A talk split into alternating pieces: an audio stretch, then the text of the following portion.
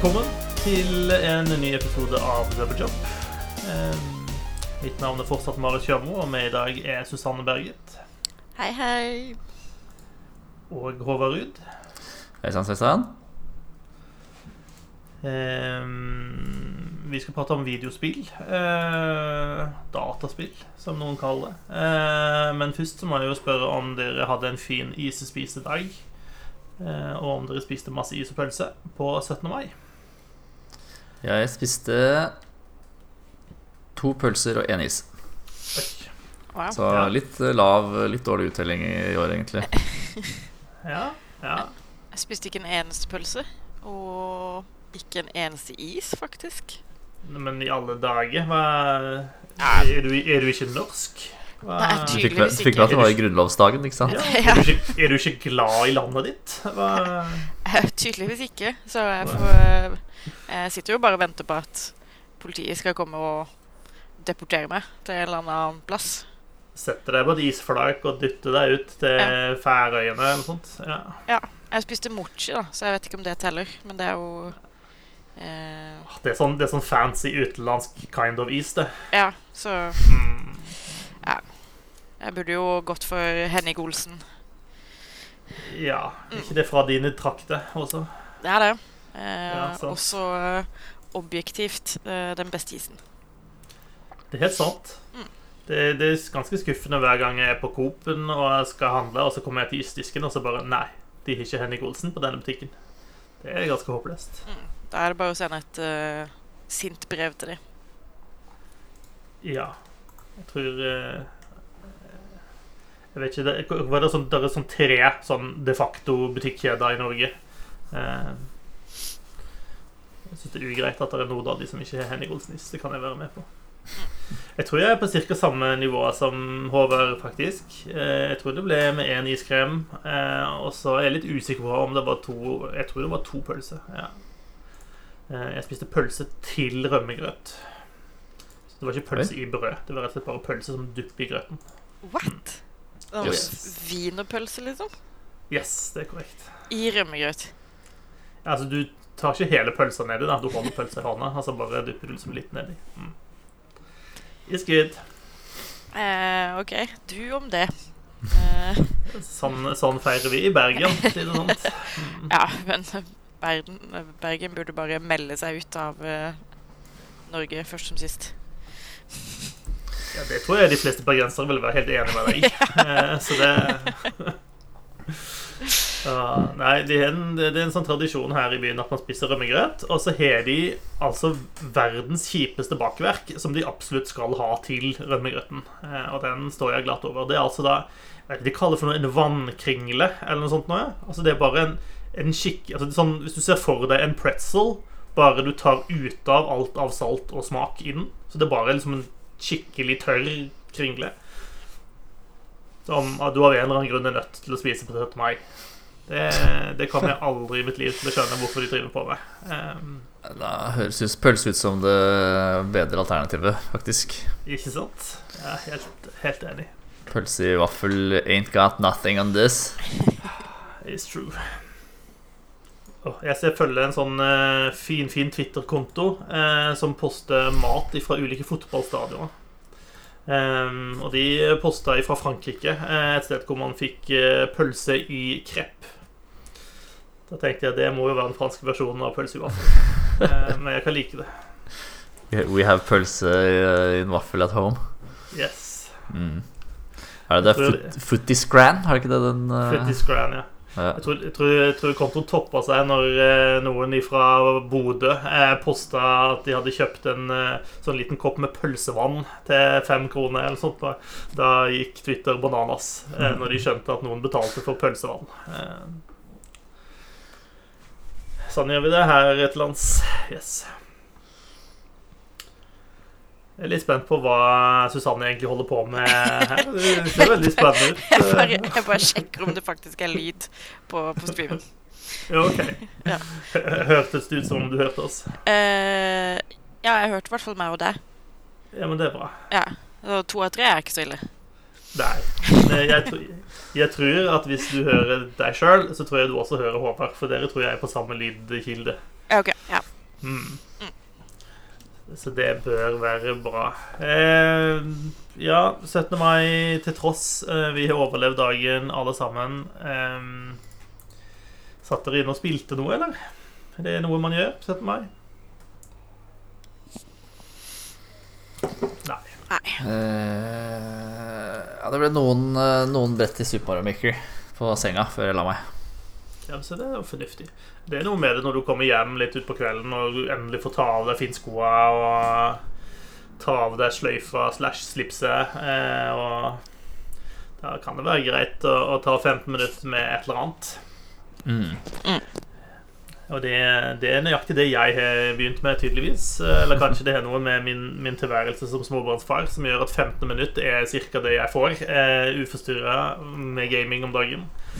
Så vi har tenkt å erstatte Gjøran-timen med Marius Kvarteret eh, fra nå av. Um, så jeg har to nye spill som jeg har spilt ca. 15 minutter av. Uh, og jeg antar at da kan jeg eh, gi en, en verdig dom over de spillene, uh, basert på det.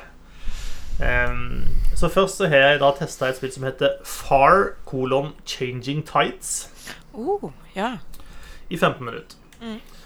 Um, og det fremstår som litt som Spirit Fairer, bare uten at du driver og bygger noen, eh, noen rom på båten din, og uten at det er noen andre karakterer å interagere med.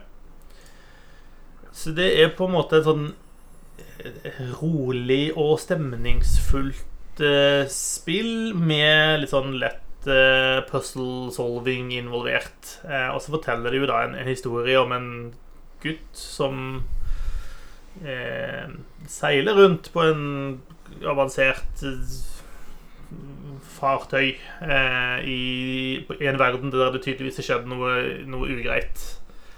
Eh, så det, det, det starter med at du må forlate heimen din. Ut og svømme litt. Grann. Eh, så må du finne dette fartøyet da, og klare å få det skipsdyktig. Og så seiler du av gårde, og da, da går det unna. Um, helt til du møter noen, noen, utfordringer som du må løse for å seile videre. Um, det virka litt, litt for chill for min smak. Um, men det kan være andre som er litt mer tålmodige enn meg. Kan ikke sette pris på det. Det, var stemningsfullt uh, og, og, fint, men uh, ja, jeg tror, jeg tror, jeg hadde trengt noe mer i det for at det skulle appellere helt til meg. Jeg hadde kanskje håpet det skulle være noe form for sånn management av dette fartøyet ditt, eller et eller annet sånt noe, men, men nei, her skal du liksom bare følge, følge flowen i historien til, til hennes. Um, spillet ligger på GamePass, hvis jeg husker riktig. Um, det andre spillet jeg så vidt har prøvd, er Weird West. Mm. Som også har kommet på GamePass nylig. Um, det er et spill som setter deg i en form for uh, en, en, slags versjon av Den ville vesten, uh, der det foregår weirde ting. Uh, som altså gjør det ikke et historisk spill, men et interessant spill nonetheless. Um, du spiller som en dame, en bounty hunter som har lagt opp, slutta å være Bounty Hunter, tatt gunneren din og begravd den ute i hagen, for du skulle aldri mer være Bounty Hunter. Eh, men så dukker det opp noen skurker som tar knekken på både mannen din og sønnen din. Eh, og da er det bare én ting å gjøre. Da er det å grave opp gunneren din igjen og sette ut for å ta hevn. Eh, og det er, det er litt sånn Det er et ovenifra og ned-spill der du styrer karakteren med stikkene på, på kontrolleren. Og der du bruker Du sikter og skyter liksom i real time. da Um, og du kan plukke opp sidequests, og du velger sjøl hvor du skal reise.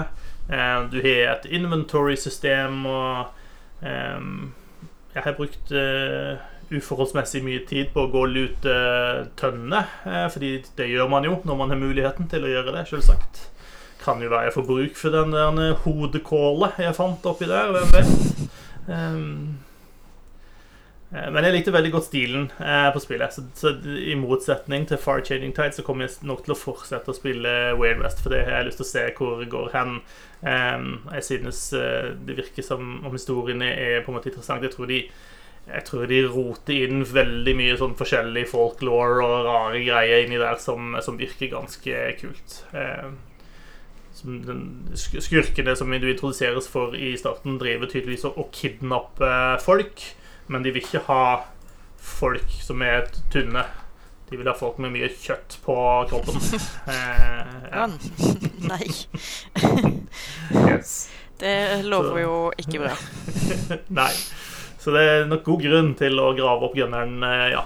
Mm. Um, og det sparer ikke på um, em, Altså, det, det, det kan være ganske voldelig, tror jeg, dette spillet. Eh, ganske tidlig så får du muligheten til å eh, ja, forhøre eh, noen som sitter i fengsel. Eh, og da får du liksom valgmuligheter hvordan du skal gå frem. Eh, og du kan gå rett på å begynne å knekke fingre, for å si det sånt. Så du får muligheten til å, å spille ut litt hvordan du ønsker at denne hovedkarakteren skal, skal være, og, og sånt. Eh, det ser også ut som du får muligheten til å velge litt i questene om du vil løse ting på en, en mer hyggelig eller en mindre hyggelig måte. Så det, det syns jeg høres, eh, høres veldig interessant ut. Så det gleder jeg meg til å teste, teste mer av. Og ellers har jeg også spilt litt noe mer Stellaris. Det tror jeg faktisk jeg la ned opptil flere timer i i går kveld. Um, fordi jeg har fått en ny utvidelse som heter Overlord. Ehm, og i Overlord så er I tillegg til at de lager en del nye sånne origins og litt sånne ting, eh, noen nye events du kan møte i spillet, så er hovedfokuset på eh, vasaller, egentlig. Altså det at du kan eh, subjugate eh, andre. Det har du kunnet gjøre hele tiden, men nå har de lagd et mye mer flashed out system for det. Ehm, og det er i praksis at når du eh, Du kan forhandle om om noen skal bli din undersått. eh, og da kan man på en måte inngå en avtale, og man kan forhandle om mange ulike områder. Da, hvor skal du skal de betale ressurser til deg, eller skal du finansiere de med noen ressurser? Eh, skal du bidra til deres forskning? Eh, skal du ha muligheten til å integrere de i ditt rike etter hvert, eller skal de for alltid forbli på en måte en uavhengig undersått? Det er flere sånne elementer man kan forhandle om. Eh, jeg syns det virker som et veldig kult konsept. Og så føles det som om det er nødt til å gjøres noe balansering, fordi akkurat nå så virker det som det er litt for eh, Det er litt for eh, Terskelen er for lav for at noen skal akseptere å bli den undersått. da. Eh, det er litt sånn eh, Hvis du møter en annen eh, En annen eh, sivilisasjon der ute, og dere er eh, sannsynligvis ca. like sterke, så det er veldig rart at den andre skal synes det er greit å bare bli underlagt deg hvis du bare er litt romslig i disse forhandlingene, på en måte.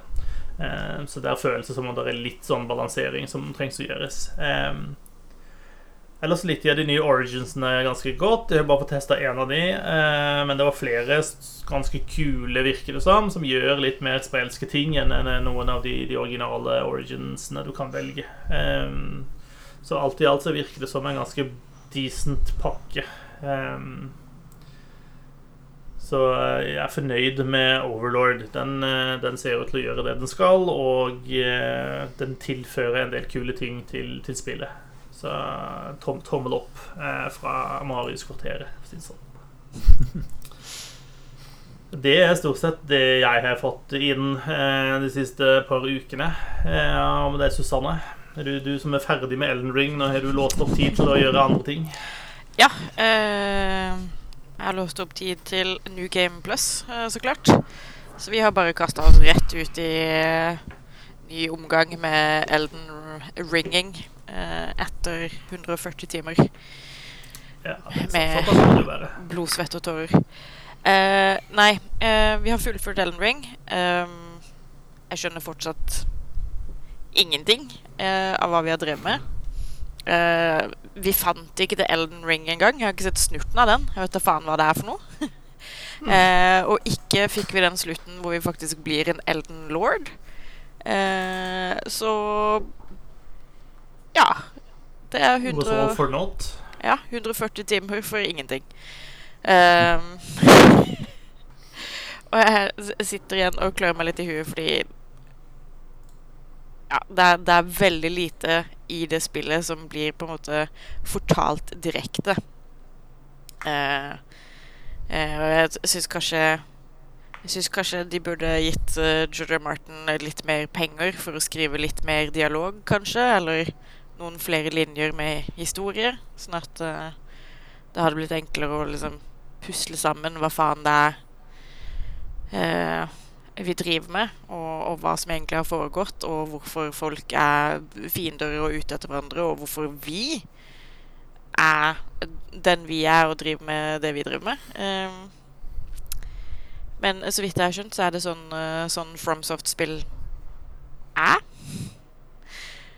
Eh, du må ha liksom 50 000 tabs i Google åpen uh, mens du spiller for å lese diverse law snippets som folk har brukt timevis på å, å samle inn. Uh, og bare go with the flow, rett og slett. Eh, Odd Karsten er dritfornøyd med historien i spillet. Og jeg er litt sånn Men OK, men fortell meg Fortell meg hva den er, da. Fortell meg hva, hva vi har drevet med.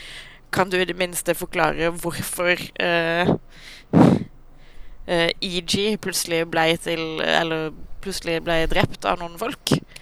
Uh, og så er det bare sånn Nei. Han kan ikke det.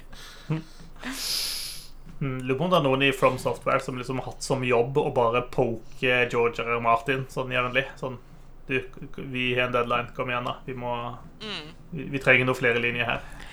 Ja, altså det er jo tydelig at han har si, jobba mot en deadline og kanskje vært litt stressa av det når du tenker på navnene på folka i dette her spillet. Eh, han har jo brukt samme navnekonvensjon som i 'Mormor og de åtte ungene', hvor eh, alle som er i slekt hverandre, har eh, navn som begynner på samme bokstav. Eh. Så enkelt og praktisk å forholde seg til. ja, ja. Og spesielt når de har veldig eh, like navn i tillegg. Eh, Skal sies da, Alle som har spilt eh, penn og papir-rollespill, vet at eh, det som tar lengst tid når du skal bygge en ny karakter, er å finne ut hva i alle dagen skal hete for noe. Mm. Så skjønner, det er vanskelig. Jeg skjønner det. Ja. Eh, Sjøl, sjøl for, for Georg. Så. Eh, ja, så vi ble ferdig med det. Uh, jeg vet ikke helt hva jeg syns. for å være helt ærlig. Eh, og for å liksom koble av fra det jævla marerittet som er Elden Ring og alle de bosskampene der, eh, så hadde jeg tenkt å spille Turnip Boy Commits Tax Evasion. Eh, som er på GamePass, men av en eller annen grunn så ville ikke det laste ned. Eh, så da kjøpte jeg meg Cat Café Manager i stedet på Switchen. Det høres ut som en naturlig substitutt. Ja, ja, ja. Uh, Café Manager går ut på at du spiller som en eh, Spiller som en person hvis bestemor har gått bort, og i sin ungdom så drev bestemora di en, en kattekafé i en liten by ute i Hutitut. Uh, så du drar til denne byen og tar over kattekafeen, da, som i bunn og grunn nå bare er i ruiner, for det er ingen som har tatt vare på den, så du må liksom bygge den opp fra bunnen av. Så det er en sånn Litt sånn som uh, Rollercoaster Tycoon, bare med kafé og katter. Så du må liksom bygge kafeen, og du må uh, sørge for at kafeen inneholder liksom møbler og kunst og bøker og mat som Katter. og katter som stamgjestene dine liker, sånn at du kan få mest mulig ressurser ut av de for å kjøpe mer av de tingene som de liker, sånn at du kan få mer eh, ressurser ut av de for å kjøpe mer ting. Kan du gjøre sånn performance-analyse av kattene? Sånn at de kattene som åpenbart trekker lite trafikk, de kan du kaste ut og erstatte med bedre katter? ja, det kan du faktisk.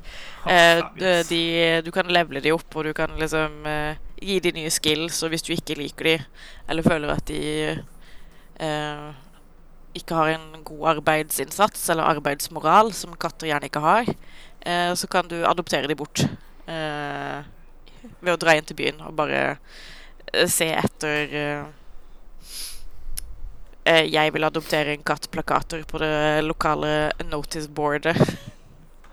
Fabulous. Dette Ja. er jo eh, det ultimate spillet for alle som både liker katter og kapitalisme. Ja, altså det er jo en Det er jo en kapitalistsimulator de luxe, men samtidig så er det også et sånn stikk i siden til eh, kapitalisme og liksom konsumerisme, fordi det er et sånt lite subplot der om at en gjeng med investorer som heter Hawkball et eller annet piss, uh, har flytta inn til byen og begynner å kjøpe opp masse eiendom og skal liksom rive ting og gjøre ting så fint og flott uh, for at folk skal slutte å flytte fra byen, da. Uh, og en av de som samarbeider med dette selskapet, er en av stamkundene på kattekafeen din. Så du snakker Du har liksom fem stamgjester som representerer de fem typene kunder du kan få, da.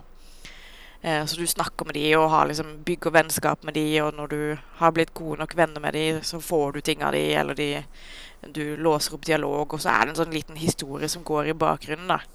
Eh, som driver på en måte eh, Som driver spillet framover. For hvis ikke så hadde det jo bare vært en, en endeløs eh, mølle for å skaffe nok penger til å kjøpe de kuleste tingene i butikken, så kafeen din ser stiligst ut. Eh, så det er en trivelig liten sånn historie om en liksom en, et lite samfunn som, som, går sammen for å forhindre at eh, de grådige kapitalistjævlene tar over eh, byen og eh, river det gamle kattetempelet som er der, hvor det er en sånn katteånd som passer på eh, for det første alle byens katter, men også menneskene der, og som gjør sitt for at de skal ha det best mulig, da. Eh, så det er en sånn liten sånn trivelig bakgrunnshistorie som er eh, morsom å, å følge med på.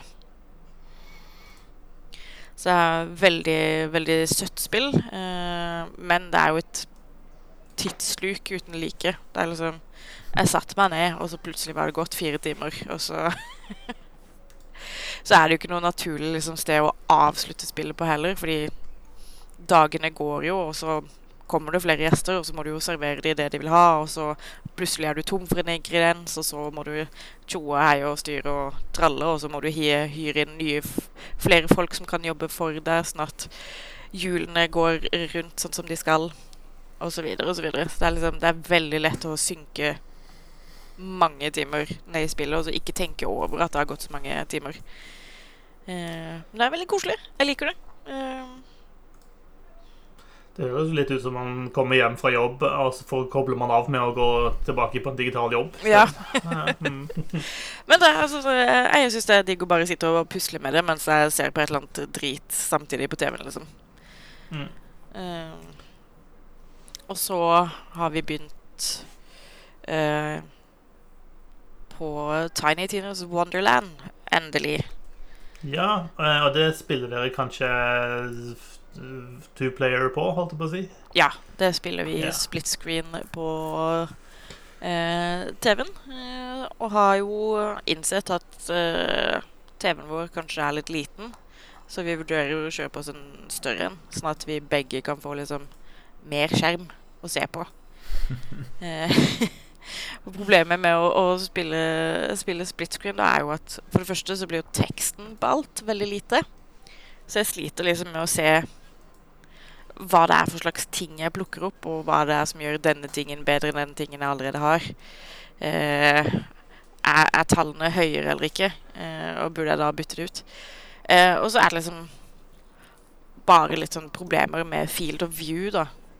At liksom det du ser, blir så himla begrensa, så når det plutselig kommer masse fiender og eh, Jeg har jo to companion animals som flyr rundt og gjør ting, og Odd Karsten har sitt companion animal, fordi nå har vi spilt såpass langt at vi kan eh, At vi har låst opp flere klasser. Så er det jo jævlig mye som skjer på skjermen, men fordi du har liksom veldig begrensa utsnitt, så blir det jo helsikes kaos og fandens oldemor. Eh, så jeg blir veldig fort sliten i huet av å spille det.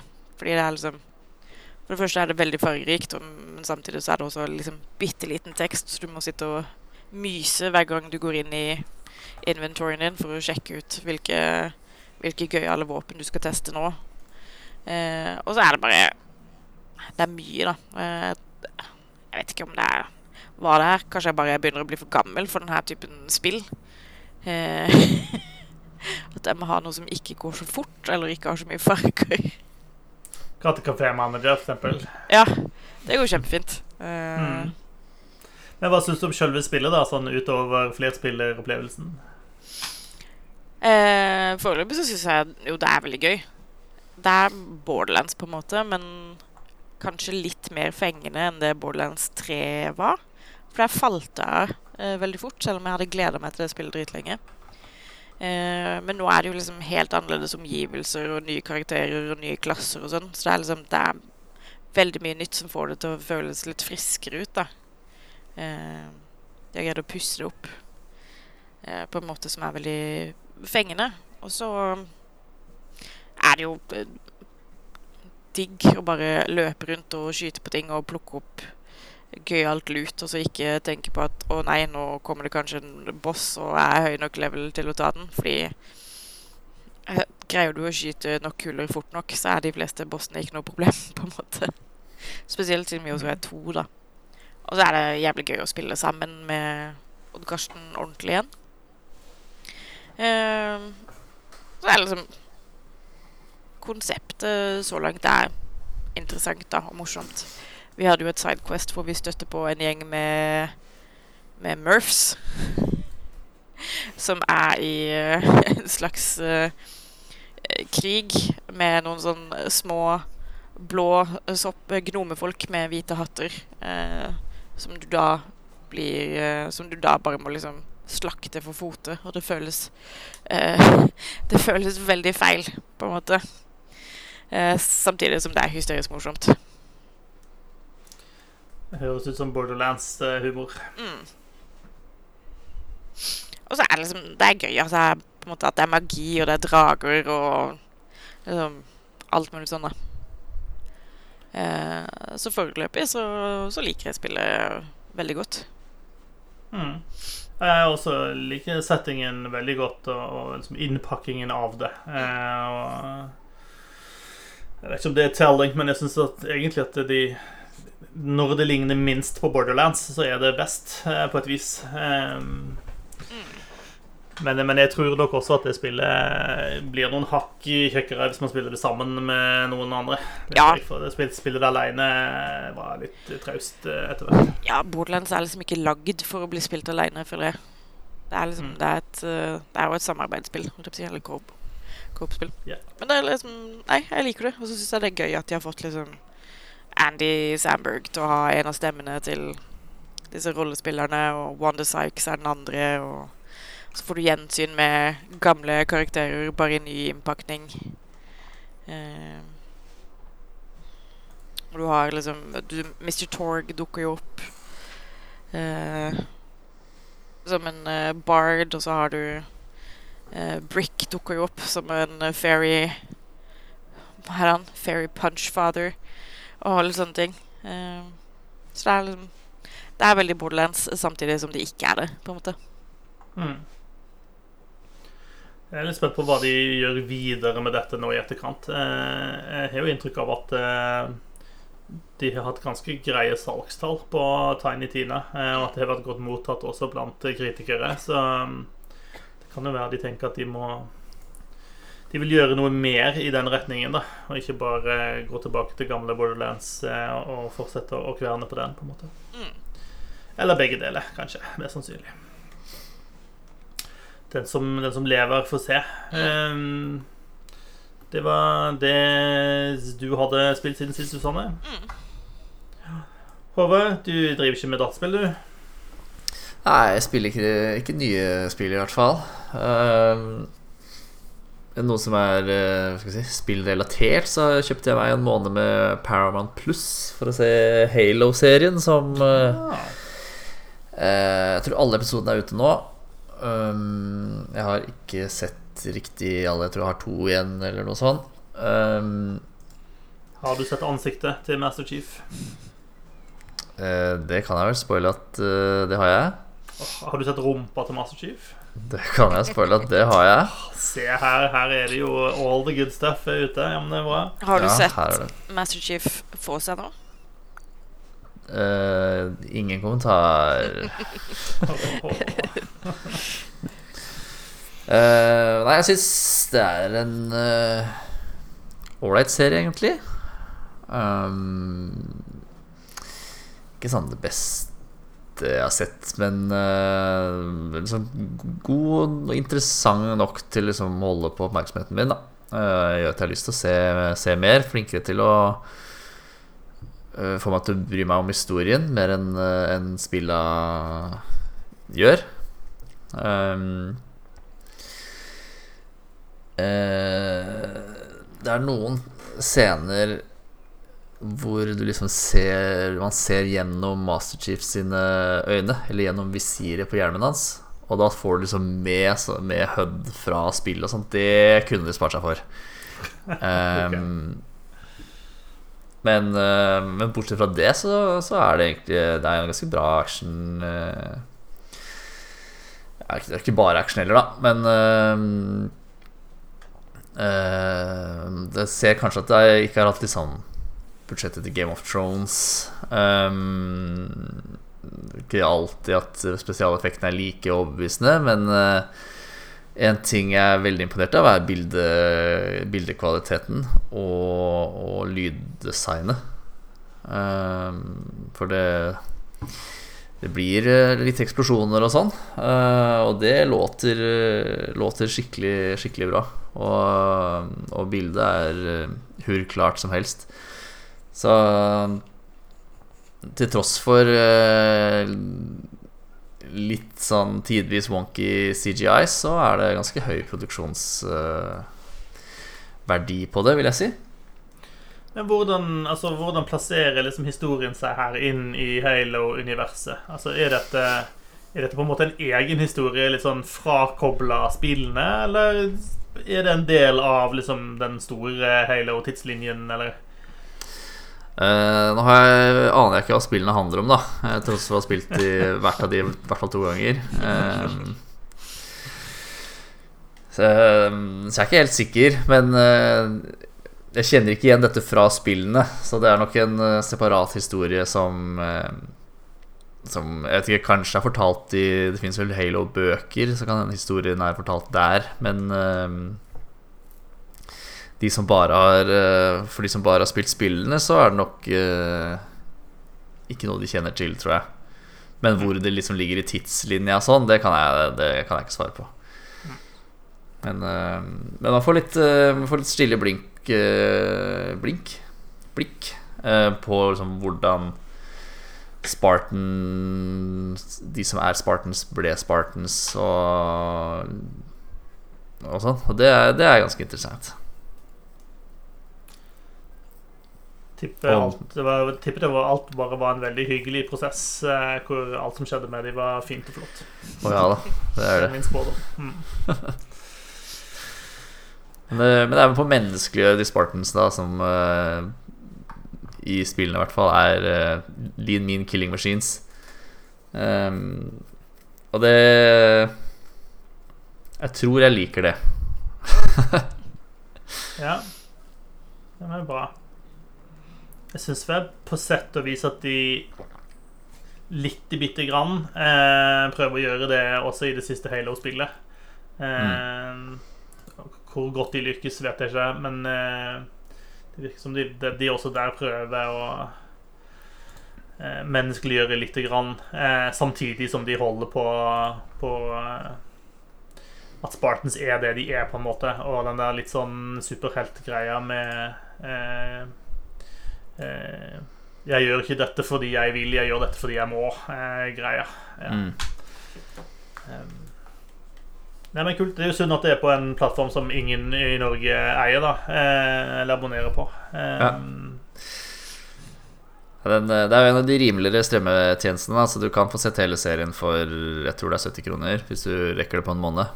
Mm. Rekker du på en uke, så er det jo gratis prøveperiode. Å, oh, sant. Se der. Da er det jo bare å bunkre seg ned en ukes tid, da. Mm.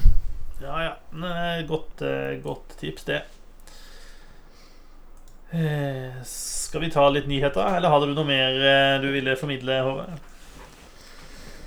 Nei, egentlig ikke. Det er Jeg har som nevnt plukka opp eh, litt Mario Maker eh, igjen. Bare for å spille, ikke for å lage. Um, Syns det er veldig hyggelig. Ellers har det gått i Overwatch 2-beta, som eh, skal vi si litt om den. Det kan vi jo kanskje gjøre. For Forrige gang så hadde, vi vel, eh, hadde vel du spilt sånn én time med det, og jeg hadde ikke kommet inn ennå, tror jeg. Ja, det stemmer kanskje, det. Mm. Uh, ja, nei Jeg um, syns uh, det, det er potensial for gøy der, i hvert fall hvis man er flere. Men eh, jeg vet ikke helt om jeg syns fem mot fem er eh, en god avgjørelse. For spillet For gameplay sin del, da. Jeg skjønner at det vil hjelpe veldig mange å få kortere køtider, men eh, jeg syns sånn det store og det hele at det tar bort mye av eh, Av eh, hva skal jeg si, strategibiten, da, av, eh, av Overwatch. Um, at det ikke er liksom Jeg føler ikke at den er ordentlige teamfights. Um, det er veldig mye dueller som skjer liksom på hver sin kant. Um, og det syns jeg tar bort mye av moroa, sånn, i hvert fall sånn for min del. Um, så er det jo verdt å merke at det er early days, og at folk flest har bare hatt tilgang til denne betaen i tre ukers tid. Um, så mye vil jo sikkert forandre og endre seg med tida, men um, Jeg har hatt det moro, men jeg er ikke helt sikker på om jeg kommer til å ha det mer moro i, med 5 med 5 som jeg har hatt i 6 mot 6 i fem år nå. Nei, jeg syns, jeg syns også at jeg har hatt det moro. Altså sånn eh, Det var jo en del som spådde si, ordentlig dommedag eh, med skiftet å gå fra 6 mot 6 til 5 mot 5. Det syns jeg ikke er slått til. Eh, jeg er helt med på at her kan det være en diskusjon om hva som er kjekkest, men at spillet nå var dritkjipt, eh, det syns jeg ikke. Jeg har kost meg masse det jeg har spilt i betaen. Men så er det jo også sånn at 5 mot 5 er én ting, men de har også de har også gjort en del endringer på heltene eh, som gjør at Som spesielt da kombinert med fem mot fem gjør at et spill, en runde med Overwatch, har det mye mindre skjold. Og det er en god del mindre crowd control eh, i omløp. Og de to tingene tror jeg er en bra ting. Eh, og noe av det skyldes eh, nytt hero design, og noe av det skyldes at nå er det bare én tank istedenfor to. Um, og summen av det syns jeg er positiv. Det er kjekkere å spille nå når det er litt mindre crowd control, og definitivt når det er mindre skjold enn det det var tidligere.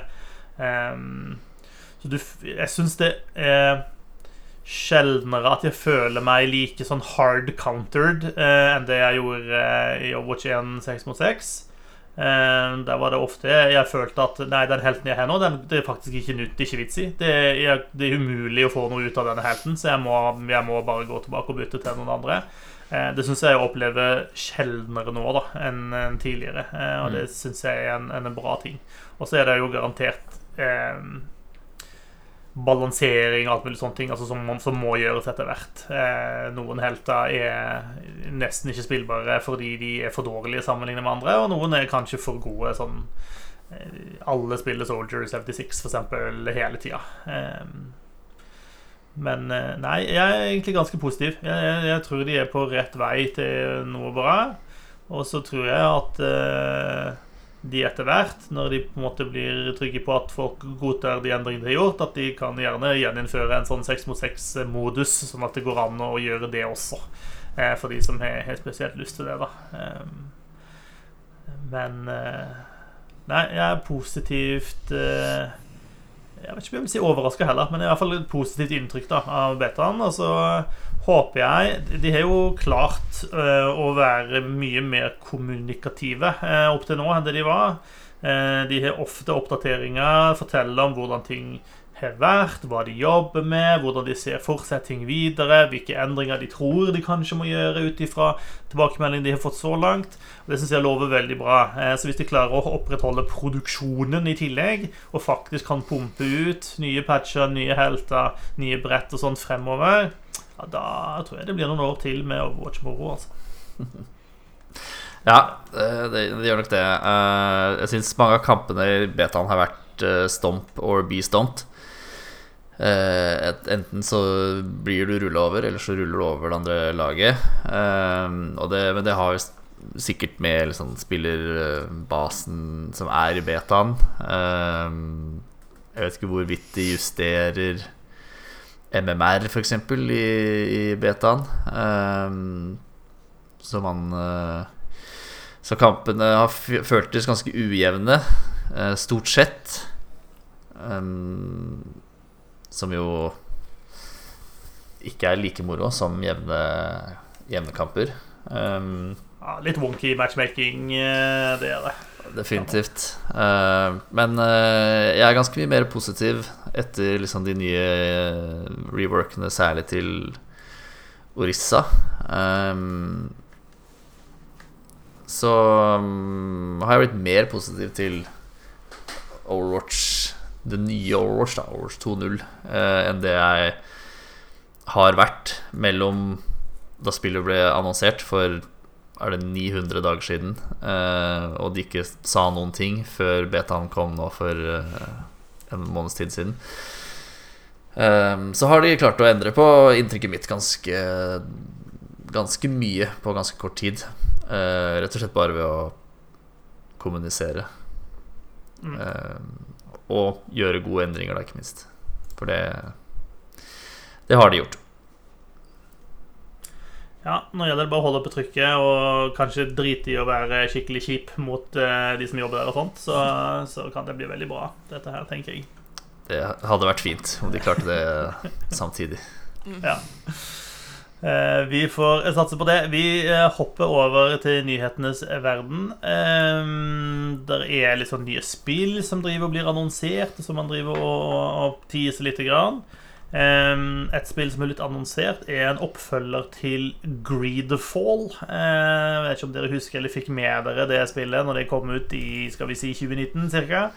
som var et litt sånn, litt sånn storslagent, eh, klassisk vestlig rollespill med dialogtre og eh, Litt sånn særegen stil, på en måte. Eh, karakterene var litt sånn eh, eh, ja, Hvordan skal jeg best eh, beskrive filen? Imperialistisk eh, i utseendet, på en måte. Det var veldig mye sånn eh, uniformer, og nå skal vi ut og kolonisere en eller annen verden eh, der ute. Um, jeg ble aldri helt bergtatt av det. Jeg spilte en god stund på det, men det var på en måte et eller annet der som jeg følte var ikke helt, eh, helt i mål. Eh, Men jeg er veldig spent på nå, som de har annonsert, Greedfall 2 The Dying World. Eh, For jeg tror at de, der er på en måte en kjerne med noe bra der. Så hvis de på en måte kan fortsette å videreutvikle det, så kan det godt tenkes at, eh, at Gridfall 2 blir bra. Sånn som jeg forstår det, så er jo dette da satt i den samme verden og eh, eh, skal ha fokus på player choice. Eh, og at du denne gangen skal innta rollen som en av på en måte de, de som bodde på den, eh, de- de- den øya man reiser til igjen. da. Så istedenfor å være imperialisten, så skal du da være en av de som bor der fra før av. Ehm, spillet skal komme i 2024, eh, og det er vel stort sett det vi vet om spillet per nå.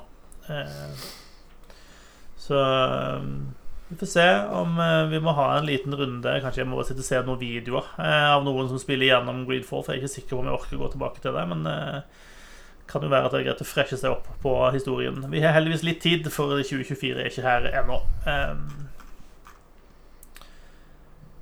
Så har det kommet noen lekkasjer eh, opptil flere som ser ut til å antyde at det er opptil flere Silent Hill-spill på vei. For de som liker og tør å spille sånne ting. Eh, Nei, jeg ser filmene i stedet. De er bra. De er bra. OK.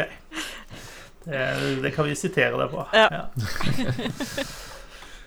det virker som det er flere spill på vei, og blant annet ser det også ut til at et av de spillene er en remake av Silent Hill 2, eh, som Bloober Team, eh, altså teamet som da lagde eh, Double Jump-favoritten The Medium, skal ser ut til å skulle være de som lager, da.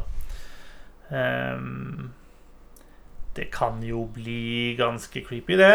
Uh, Silent Hill 2 er jo et, eh, en, et, sånn skikkelig gamle, klassiske spillene. eh, skrekkspillene. eh, fra PlayStation 2-æraen. Eh, Så, så så gammelt har det blitt etter hvert. Um, veldig sånn folkekjært spill. Eh, jeg vet ikke om det blir riktig å si at det er folkekjært når det er et skrekkspill, men det er i hvert fall eh, noe mange satte pris på på et tidspunkt. Ja. Um, så det kan bli, bli spennende å se hva som kommer ut av det. Eh, Konami var jo kjapp ute med å trekke tilbake den, den, de, de lekka bildene som, som lå ute, så nøyaktig hva mer som ligger der, vet vi ikke helt, men eh, det er nå flere anerkjente journalister og nettsteder som, som nå har publisert at eh, det skjer ting eh, i Silent Hill-universet. Så de som eh, ikke er mørkredde, de eh, har sikkert noe å glede seg til der. Eh, ellers har også Techland vært ute og vist eh, noe concept art og vifta litt frem at hei, vi holder på med noe nytt. Eh, Techland ga jo for ikke så fryktelig lenge siden ut Dying Light 2 Stay Human. Ehm, og de sier jo at de, det skal de fortsette med, og de skal fortsette å supporte det spillet med mer innhold, i hvert fall de neste fem årene. Uh, men samtidig så uh, vifter de da det som da skal bli et nytt prosjekt, uh, som de kaller A New Fantasy Epic Set in a Sprawling Open World.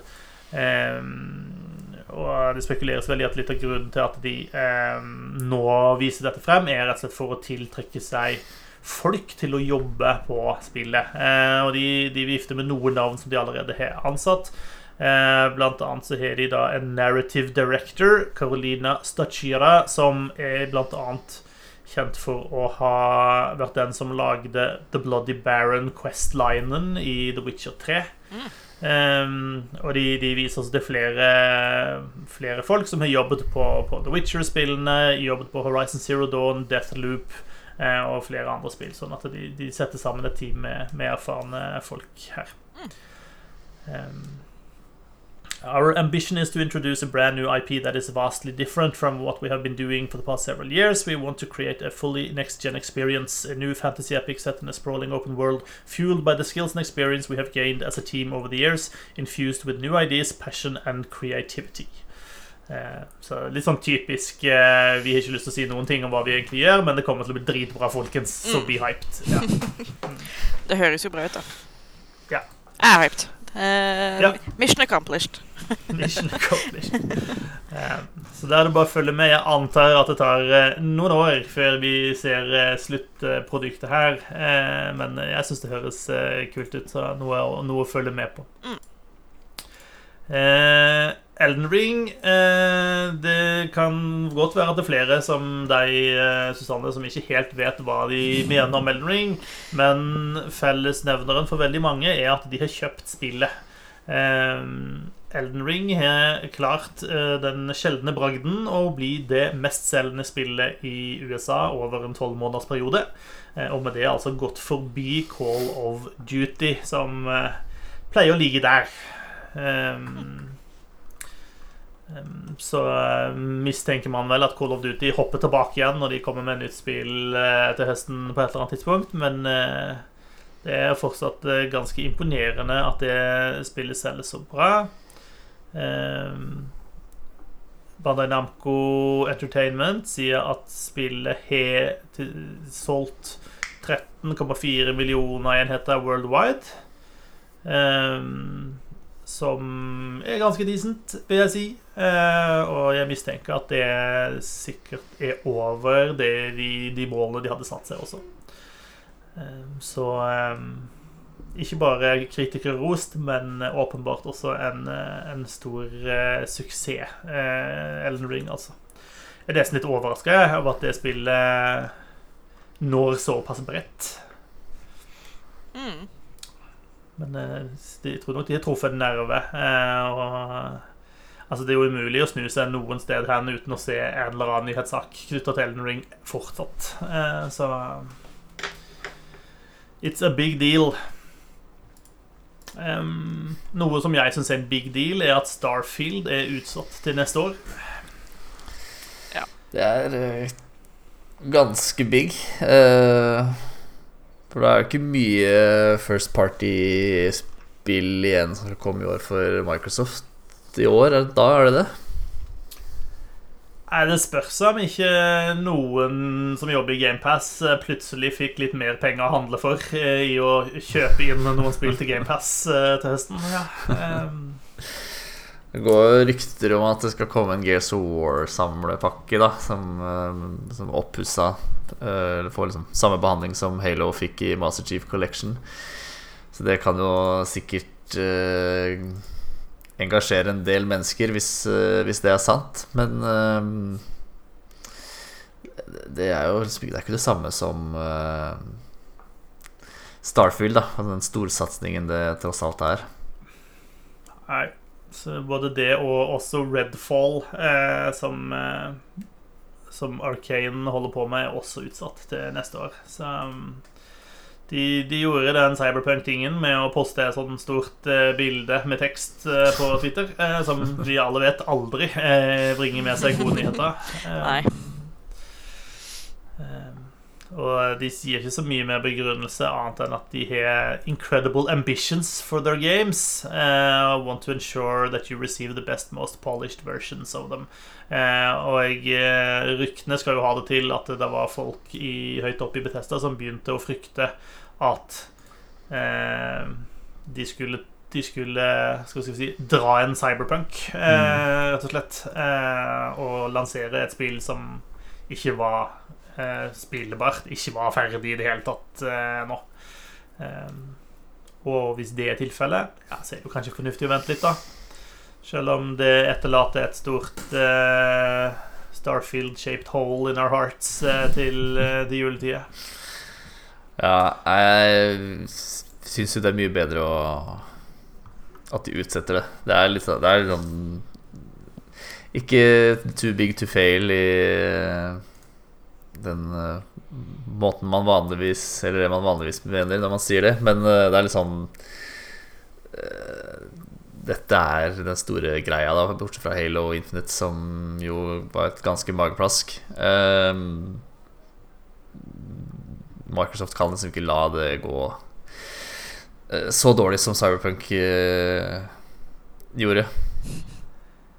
Nei, det er det jo ingen som kan. Altså Stor eller liten utgiver, eh, det, det har man jo ikke Det har man ikke råd til, rett og slett. Um, men det er jo også satt i gang en litt sånn diskusjon om eh, Skal man bare slutte eh, å gi en release-dato på spill? Altså Én ting er å indikere at vi tror dette vil komme sent 2023 eller whatever, men her var vel de hardt ute og sa var ikke det 11-11-22 som liksom skulle være datoen eh, um, Kanskje bare slutte med det, egentlig. Eh, bedre å gi ut spillet når det er klart til å bli gitt ut, på en måte. Mm. Ja, Vi kommer jo ikke til å ha tid til å spille det uansett hvis det hadde kommet i år. For da er vi jo dypt nede i New Game pluss 7 i Elden Ring. Så Så det er bare greit at det er blitt utsatt. Hvis Elden Ring kommer på salg etter hvert, så kanskje jeg skal gi det mine 15 minutter, da. Ja. ja 15 minutter. Mm. Yes. Det blir bra. Eh, til slutt eh, i dag kan vi ta med at det nå ikke lenger er noen spill som heter Fifa. Eh, nå er det helt eh, klart at Fifa og Electronic Arts de avbryter samarbeidet sitt. Eh, og de kommende spillene i eh, Electronic Arts sin fotballspillserie skal fra nå av hete EA Sports FC. Eh, også ikke det 100 eh, klart ja, hvorfor de velger å bryte samarbeidet, men ryktene skal det til at Fifa ville ha mer penger enn det Electronic Arts var villig til å betale. Eh, og så er det noen eh, ja, interessante uttalelser fra Fifa-president eh, Gianni Infantino, som helt sikkert er en stor gamer. Eh, han eh, eh han uttaler ganske knallhardt at de skal ha inn en ny utvikler som skal lage nye Fifa-spill. Og han mener at de nye spillene kommer til å gruse EA Sports FC fordi det fins jo bare et ekte Fifa-spill. Eh, og det, det, vil alltid være bedre enn etterligningene.